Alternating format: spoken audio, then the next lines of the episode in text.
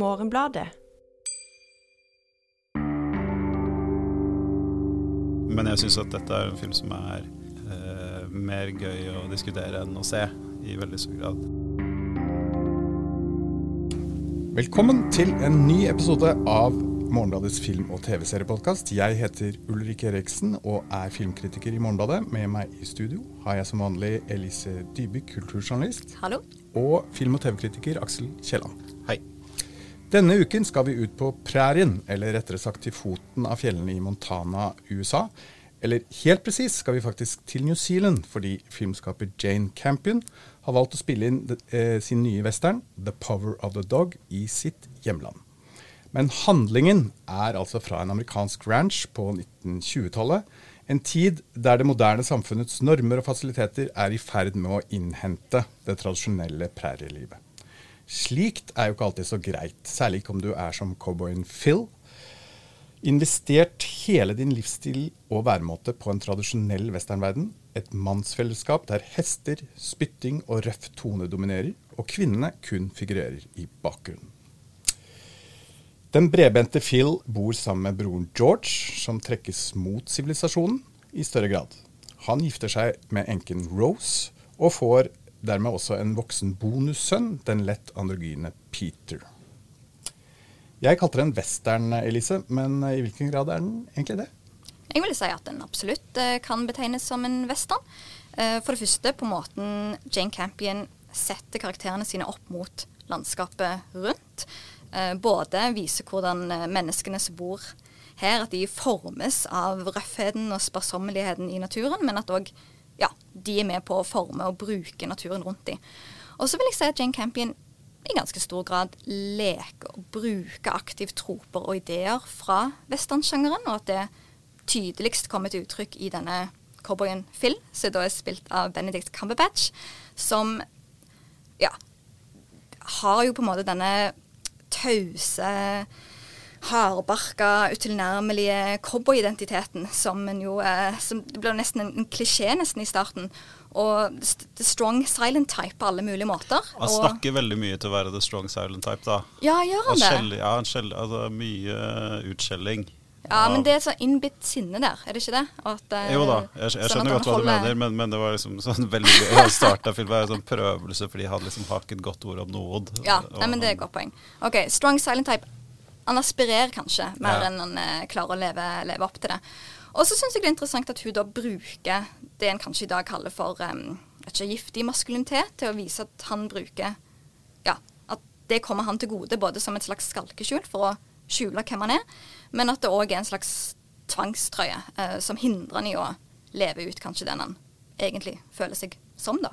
Hva tenker du, Aksel? Det virker som du kanskje er litt eh, skeptisk til Ja. eh, noe av Eh, altså Jeg er enig i at det er en western. Jeg er enig i at det er veldig mye interessant å diskutere. Eh, men jeg syns at dette er en film som er eh, mer gøy å diskutere enn å se, i veldig stor grad. Jeg, jeg likte den ikke. Jeg syns det, det var dårlig manus. Jeg syns uh, Benedict Cumberbatch, som spiller hovedrollen, spiller dårlig. Sangen hans er dårlig. Og jeg syns det er mye rare regigrep. Uh, ja, så, så jeg hvis, altså, Denne er en film som, som vil dukke opp på Netflix etter hvert. Jeg hadde aldri sittet gjennom den der. Eh, men hva gjør man ikke for uh, podkasting? Ja. Nei, selv så syns jeg at den er uh, litt flat og uengasjerende i starten. Eh, men at den tar seg veldig opp eh, etter hvert. Og jeg likte veldig godt uh, måten den eh, presenterer uh, eh, kjønnsroller og, og forholdet til måte, modernitet og, og et mannsfellesskap versus et kvinnefellesskap. Og så kommer denne eh, bonussønnen da inn i filmen eh, etter en eh, times tid. Og, og det er jo på en måte hans film i mye større grad. Så alt som Ja. skjer før det, er på en måte en slags prolog. Det blir ikke presentert så veldig tydelig Nei, som det, men, men det, når han kommer inn, så blir det på en måte mer eller mindre åpenbart at det er jo hans historie. Eh, og da tar filmen seg veldig opp, og de, rollefigurene får en, flere dimensjoner, føler jeg. da, og, og, og det kommer også inn en konflikt som eh, engasjerer i litt større grad enn det som er i begynnelsen. For den er seig i starten, det skal Ja. jeg være med på. Og, og fremstår litt flat. altså Rollefigurene blir litt enkle og Veldig enkle. Og Men det at historien oppleves som litt sånn eh, vinglete og rar, da, eller du òg opplever manuset som dårlig, Aksel. For det, det slår meg at hvis en bare prøver å oppsummere raskt hva, hva denne historien består av, så er det liksom OK, to brødre, én gifter seg med ny kone, tar konen og sønnen, den litt rare sønnen, med seg tilbake, installerer de på gården. Broren terroriserer konen. Hun bryter omtrent sammen pga. denne terroriseringen. Og um, når du hører det sånn, så tenker jeg jo Hollywood 1957. At det er noe sånn um, bibelsk øst for Eden. em, ja, og så som på en måte det høres ut som en kortere og morsommere film. ja, Mm.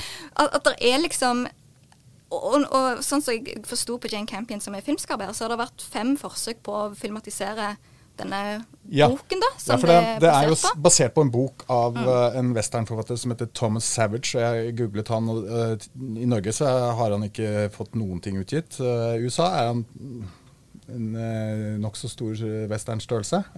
Og dette er på en måte hans sånn modne roman, og eh, sånn som jeg også forstått det, ganske personlig. Altså Den beskriver eh, En del av disse opplevelsene er trolig hans egne, og da er han selvfølgelig da denne eh, Peter-skikkelsen, da, eh, som er sønnen til eh, Rose.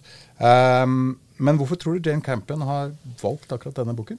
Nei, det er det jeg syns er litt rart, da. Eh, men når du hører at eh, det er en roman som dette bygger for, på, han er fra 1967, og forfatteren heter Thomas Savage, så skjønner en jo at eh, OK, men da har jeg litt rett i den der litt Hollywood-følelsen jeg får, da. Og visstnok så Hollywood-skuespilleren Paul Newman var jo interessert i å visstnok filmatisere den i, i sin tid, sånn at alt, alt faller litt på plass. Men når en tenker litt på hvem Jane Campion er som filmskaper, så syns jeg det er nesten litt merkelig, samtidig som jeg skjønner hvor hun vil. Og da kan en jo Du nevnte Ja, jo at hvordan, eh, hva er, hvordan er Jane Campion som filmskaper? Hva, er, hva kjennetegner henne? Kan Så- vi få en liten uh... Ja, jeg skal gjøre et forsøk. Sånn som du nevnte, hun er jo fra New Zealand. Og regnes vel som Hun har jo en veldig solid plassering blant verdens eh, mest anerkjente filmskapere. Hun blir ofte beskrevet som en feministisk filmskaper, og det handler både, tror jeg, om at hun pleier å konsentrere seg om særegne, litt spesielle kvinnelige karakterer i hovedrollene. Og at hun har vært en sånn foregangskvinne i filmverden. Hun var f.eks. første kvinnelige regissør til å vinne Gullpalmen i, i Cannes for uh, 'Pianoet', som kanskje er hennes mest kjente film, som kom ut i 1993.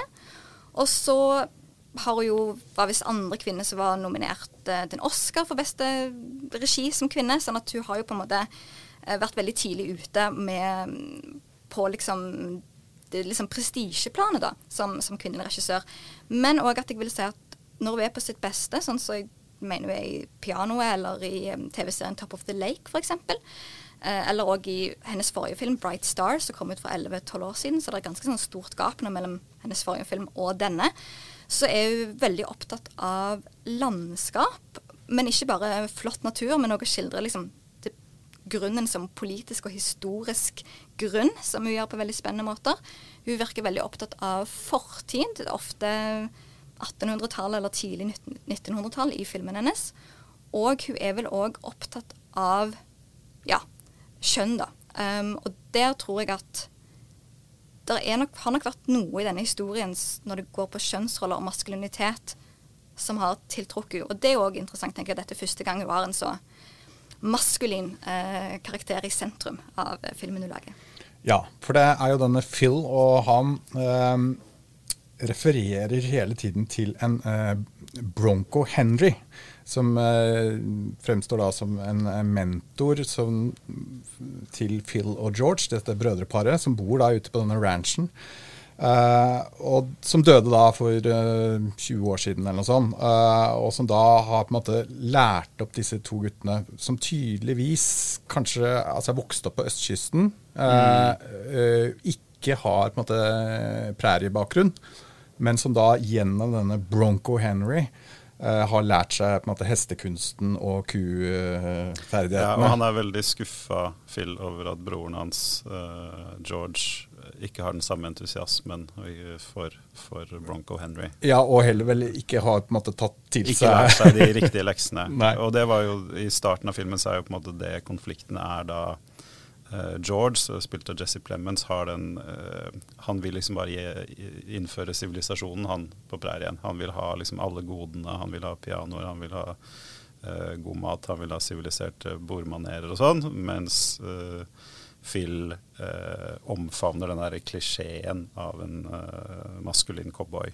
Eh, og er ikke redd for å si fram hva han mener om folk som ikke gjør det.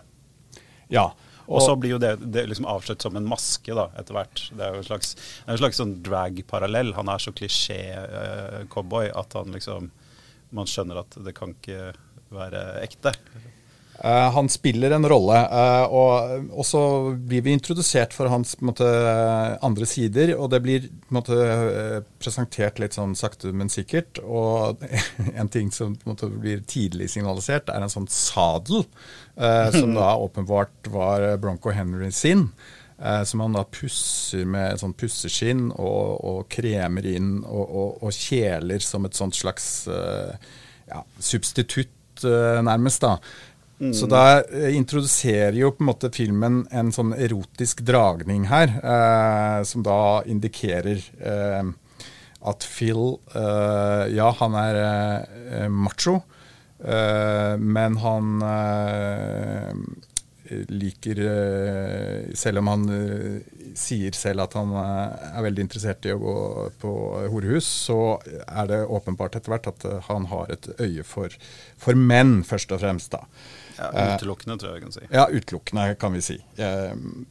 Og det syns jeg var litt gøy, da. Eh, fordi at jeg ser Jeg er veldig glad i westernsjangeren eh, og har sett mye westernfilm. I hvert fall eh, de som på en måte er verdt å se. For det er mye rart i westernsjangeren opp igjennom, det er det. Men noe er veldig bra. Og uh, er det noe som på en måte går igjen, så er det uh, nettopp dette mannsfellesskapet og, og uh, noen erotiske undertoner som li ofte ligger under der. Selv i liksom, de klassiske westernfilmene som, som The Searchers, og kanskje særlig The Searchers, egentlig, hvor, hvor, John Wayne og hans kompanjong Uh, lever jo et sånt uh, liv ute på prærien hvor det er bare de to. Og de sier jo nei takk også uh, til det kvinnelige fellesskapet stort sett hele veien, da, under, under påskudd om at de har et, et, ærefullt oppdrag. Men det er også at de, de trives så godt der. Altså, mm. De har det så godt sammen. De trenger ikke kvinnene. De trenger ikke liksom alt det det representerer. For kvinnene representerer jo mye det, det, er jo ikke alltid så gøy med kvinner. Altså, de er jo eh, veldig sånn eh, De, jobb, de har mye sånn innsigelser, og de er opptatt av veldig mye sånn som ikke menn forstår. Altså, det, de forstyrrer rytmene ja, i livet. Og, og, det, ja, og, det, er tydelig, altså både her og i veldig mange andre westernfilmer, så har man det eh, behovet for kvinner kanaliseres liksom i to former. Det er som et seksuelt behov, som er noe man liksom gjør unna de gangene man går på horehuset. Det er jo liksom sånn nærmest en sånn kalenderting. Og så er det da på et eller annet tidspunkt så, så får mange det for seg at de trenger en kone. Og, men det er det. Men, ja, Og da slutter filmen eh, når de, når de kommer ja. dit. da. Så. Men det er noe at westernfilmen i så stor grad har liksom brukt kvinner som enten prostituerte eller showjenter i salongbaren. Um, sånn at den er Det er ikke noe erotisk interessant der uansett. Sånn at, eller ellers Alternativet er den kyske konen som blir importert fra en eller annen storby, og som uh, faller sammen bare hun ser en hest. Um, sånn at da må en da, da, er liksom det mannsfellesskapet mer erotisk nettopp pga. at kvinnene er så ja, for det er aldri, ja, men det er jo sjelden noe sensualitet da, i kvinnescenene, selv i liksom disse prostitusjonsscenene. Det er veldig sånn uh, Hva skal man si uh, det, er sjelden et mål i de scenene å få, å få uh, publikum til å føle på noe av det som skjer. Det er en mer en sånn Og så skjedde det, og så gikk de og liksom skjøt noen uh, innfødte. Jeg ble litt inspirert, så jeg googlet litt om, eh, om eh, prærielivet eh, og, og cowboykulturen på 1800-tallet. Eh, og da kom det jo frem ganske raskt i mine Google-søk at altså, dette mannsfellesskapet det var ofte ganske erotisk. Altså det, og, og, og definisjonen av homoseksualitet fantes jo ikke, på en måte, så man hadde ikke noe forståelse at det var det man drev med heller. Altså, nå var man menn ute på prærien, da. og og det var, jeg fant noen fantastiske bilder fra en sånn dansefest, da, eh, hvor det var bare fullt av menn. Og, de, og eh, halvparten av mennene hadde da et sånt, eh, slags eh, lommetørkle rundt eh, armen, som indikerte at de på en måte hadde kvinnens eh, rolle i dansen. Og, og, de, og de var, altså Bildene viser liksom helt altså de er, ikke, de er ikke flaue for dette de holder på med i det hele tatt, men de, men de, har en sånn utrolig sånn bekvemhet i det. Mm. Uh, og det ser koselig ut, altså. Virkelig. Liksom, det virker som de har det så fint der. Uh, og, og, de tar på hverandre med en sånn ømhet, og det, ja, det er ordentlig ja, flott. Og det er jo en interessant aspekt ved Vesten, da, er jo at det er en uh, arena, en, altså et sted fysisk eller mentalt, uh, sosialt, hvor uh, liksom den gamle verdens, den siviliserte verden, ikke har uh, full kontroll. Den har ikke satt seg. Altså Normene er ikke der. Og, og, da er det jo større rom for den type, type, ting. Ja, og det er vel litt det den filmen indikerer, eller antyder, er at det er det Phil er tiltrukket av. Ja. ikke sant? Altså, han har på en måte vokst opp på østkysten, som har sine kjønnsregler, har sine veldig klare kategorier og, sine, og er veldig gjennomsiktig som samfunn. Og så kan han rømme ut til Vesten og leve på prærien, og der kan og, og, og Bronco Henry, da, som mm. åpenbart de hadde et Altså, han har jo en beskrivelse av at de sov i sovepose sammen, nakne. Mm. Uh, og, og um, så det er helt åpenbart at han har hatt en sånn erotisk oppvåkning der. Eller kanskje ikke engang en oppvåkning, men en, en måte, hvor han virkelig har fått måte, realisert ut, all, alle sine drømmer. da. Men er det ikke sånn at uh, det er få steder de på de maskuline kodene betyr mer, nå tenker jeg òg filmmessig, enn i disse dype landskapene? Og at disse kodene brukes uh, aktivt hele tiden for å utestenge all form for annerledeshet, enten om det er kvinner eller uh, Og for så vidt overdrevent feminine menn eller folk som har en annen hudfarge. Jo, men det tror jeg dreier seg mer om Hollywoods måte, fremstilling ja. av Vesten på 30-40-50-tallet. Eh, som jo var et ekstremt heteronormativt og hvitt samfunn. Altså, hvor måte, det var ikke plass for noen.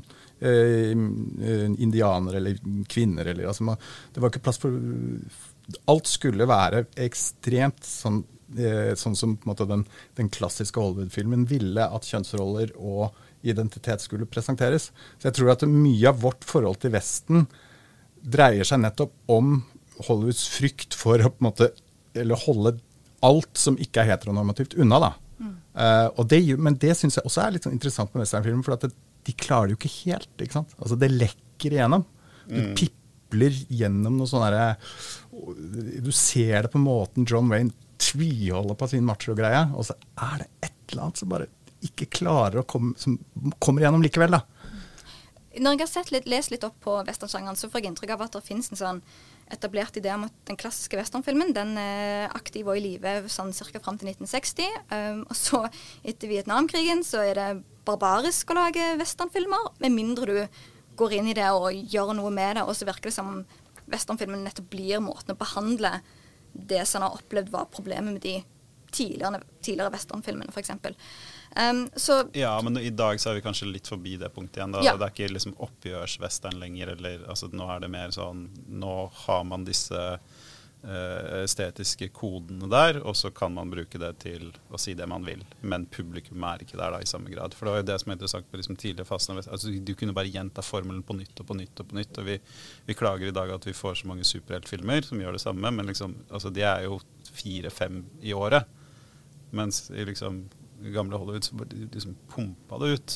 Uh, og det er jo det som gjør den uh, arven interessant, er det at når det produseres så utrolig mye av det, det er som, det er som skrekkfilm, er at det samme formelen gjentas, gjentas med små uh, variasjoner. Det er et interessant studium hvis du liker liksom den grunnleggende appellen i filmene. da. Og det gjør kanskje du mer enn oss, Ulrik? Ja, jeg, jeg er veldig glad i det, og, og uh, har sett mye western. Og, og, det, og, det, er jo, som dere snakker om, altså det er jo en, en, en jevn revisjonisme som har foregått da, siden uh, 50-tallet, kanskje, særlig. Og, og, man går fra måte å ha liksom tegneserieaktige rollefigurer mm. til å måte introdusere mer komplekse mannsroller, f.eks., som er særlig da The Searchers. Uh, men også Red River uh, og Wild Bunch har på en måte sånne mannlige rollefigurer som, som, som har større kompleksitet. Da. Og så kommer På 70-tallet så begynner man å liksom tenke OK, men hva med indianerne, liksom, burde ikke de også bli presentert på en bedre måte? Så får du uh, Little Big Man i 1970, Arthur Penn, hvor det faktisk også blir introdusert en, en, en, en homofil figur. fordi innenfor uh, indiansk Eller altså indiansk uh, Native American-kultur, uh, så, så, eksisterer den der tvetydige kjønnsrollen uh, som en størrelse fra gammelt av. Mm. Som, som, noe som er helt naturlig. Og den typen rollefigur blir presentert i den filmen som er en veldig interessant figur.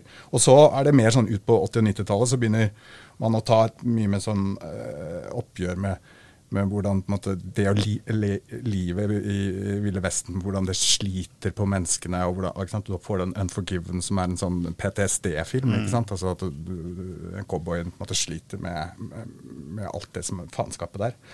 Uh, og i dag så, uh, så kan westernfilmen brukes til uh, alt mulig. Og så får vi det, den feministiske ja, vinkelen. Jeg tror en viktig forskjell på i dag og 30, 40, 50, 60 år siden er at westernsjangeren er ikke like sentral i kulturen. Folk vokser ikke opp med den, og den er ikke en like viktig del av forståelsen av hva USA er.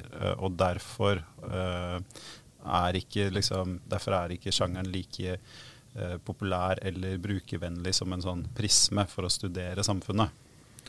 Men er det noe av problemet med denne filmen også? At, eller, hva tenker du er de største innsigelsene? Ja, altså, for, altså, begynne med begynne, Jeg syns aksenten til Cumberbatch i denne filmen var sånn For han er brite. Ja. Han er i hvert fall ikke amerikaner. Og så lurer jeg på om det at det er en newzealandsk regissør at det er problemet. Um, det kan være. Men jeg, uh, jeg syns han spiller sånn Han spiller veldig, veldig bredt. Han spiller en Og ja, eh, han er jo ikke en subtil skuespiller. Eh, og det, det, passer fint at han spiller så bredt eh, når du skjønner hva det er han driver med eh, utover i filmen. Men når han da liksom mykner opp og, og skal være en, en liksom mer eh, tredimensjonal figur, så syns jeg ikke han er god der heller. Eh, og så syns jeg vel egentlig at det var et godt poeng det du sa om at dette høres ut som en Hollywood-film fra, fra 50-tallet. er at den er nå spilt Det er en Hollywood-film fra 50-tallet eller en sånn revisjonistisk western fra, fra, da den ble skrevet, til 67, men den er spilt ut litt som en sånn 90-talls uh, Oscar-film.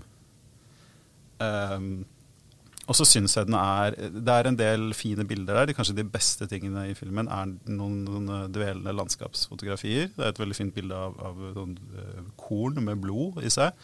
Og faktisk jeg vil si at det er en sånn um, Eh, hva heter, skal man si, uh, føling i fjæra, beføling i fjæra, når han sitter og onanerer litt uh, i, i, vannet der. Det er en av de liksom, fine scenene som, liksom, som, drar deg litt inn i filmen.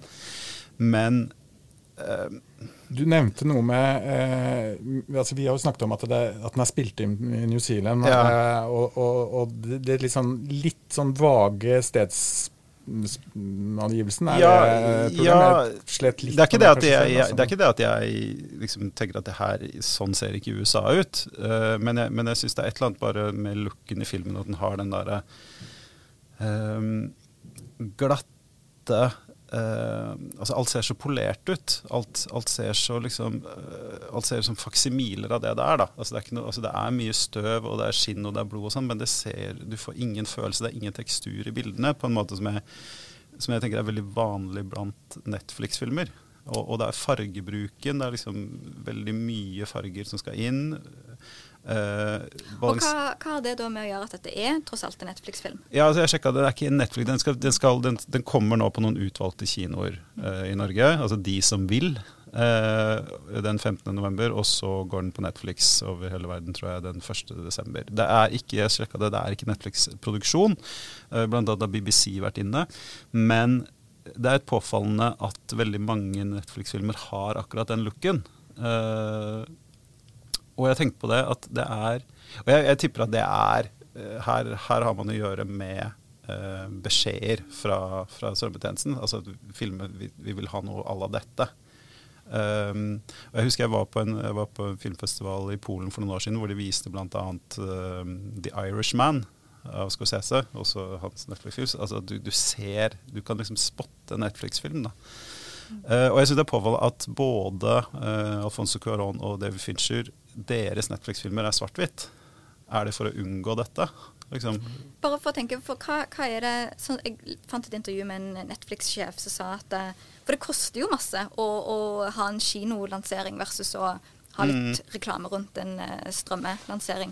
Og det er jo helt klart at ja, en vil gjerne være med på Oscar-utdelinger og den type ting, men det er jo den kulturelle betydningen de er ute etter når de ja. sender en film ut på kino. Og dette er jo en film, tipper jeg, da, som eh, Oppmerksomheten rundt denne blir større, at, at, filmkritikere snakker om den, enn at vanlige Netflix-seere anbefaler den til hverandre. Mm. Og sånn som du nevnte, at den har inntrykk av sånn 90-talls uh, Oscar-film-vibber ja. rundt seg. Så, så, er det jo òg påfallende. Den kommer jo nå, og da er jo liksom timer med Oscarsesong. Og hvis du nok ser på de filmene som tidligere har vært Netflix prisvinnende filmer, Mank, Roma, The Irishman For så vidt denne har jo da ambisjonene til å være det. Så er det noe sånn filmnostalgi mm. over de filmene, da. Ja. Det er et godt poeng det er tilbakeskuende, litt sånn drømmende tilbake til eh, Hollywoods uh, gullalder, på en måte. Ja. Og det gjelder jo altså Det er jo mange sånn bransjekommentatorer i USA som påpeker det at det større Netflix blir, det mer blir de et konvensjonelt filmstudio. Altså De kjøper jo opp kinoer, de, altså de, de, opererer mer og mer uh, som et filmstudio enn som det de var da da de starta med streaming og, og, skulle liksom utfordre alt og alle. Jeg har jo liksom eh, Jeg har en sånn teori om at eh, Netflix eh, Den er ikke bare min. Altså, men jeg, jeg, jeg, ser for meg at Netflix er på en måte, vi har, De startet opp med et, et, fokus på å prøve å, å, å, tiltrekke seg de store regissørene, de store filmskaperne, for de har så mye penger. De kan på en måte gjøre alt.